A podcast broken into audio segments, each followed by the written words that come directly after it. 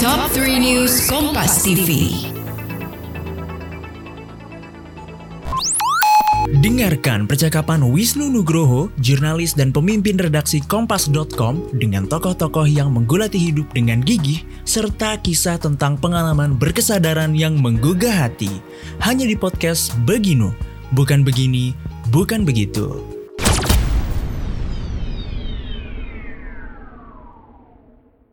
Halo sahabat Kompas TV, saatnya kita update 3 berita terpopuler pada hari ini, Senin 28 Februari 2022 bersama saya Karisma Nengkias. Sahabat, untuk berita pertama ada kemacetan parah yang terjadi di kawasan Puncak Bogor.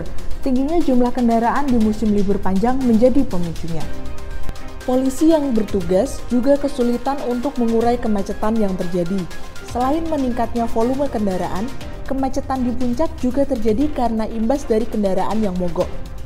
Meski sempat terurai pada Senin dini hari, namun kemacetan kembali terjadi di pagi harinya. Petugas memperlakukan skenario one way dari arah puncak ke Jakarta untuk mengurangi kepadatan di puncak. Untuk berita selanjutnya sahabat, Presiden Joko Widodo bertakziah ke rumah duka almarhum Pak Deynya, Nyono Suryo Sarjono di Surakarta. Paman Presiden Jokowi meninggal dunia di usia ke-82 tahun. Presiden Joko Widodo tiba di rumah duka pada pukul 9.52 waktu Indonesia Barat. Saat tiba, Jokowi langsung disambut oleh keluarga, termasuk anak dari almarhum. Paman Presiden Jokowi meninggal dunia setelah menjalani rawat jalan karena penyakit yang dideritanya. Sejumlah pejabat juga hadir, seperti Wakil Wali Kota Solo, Menteri Perhubungan, hingga Kapolda Jawa Tengah.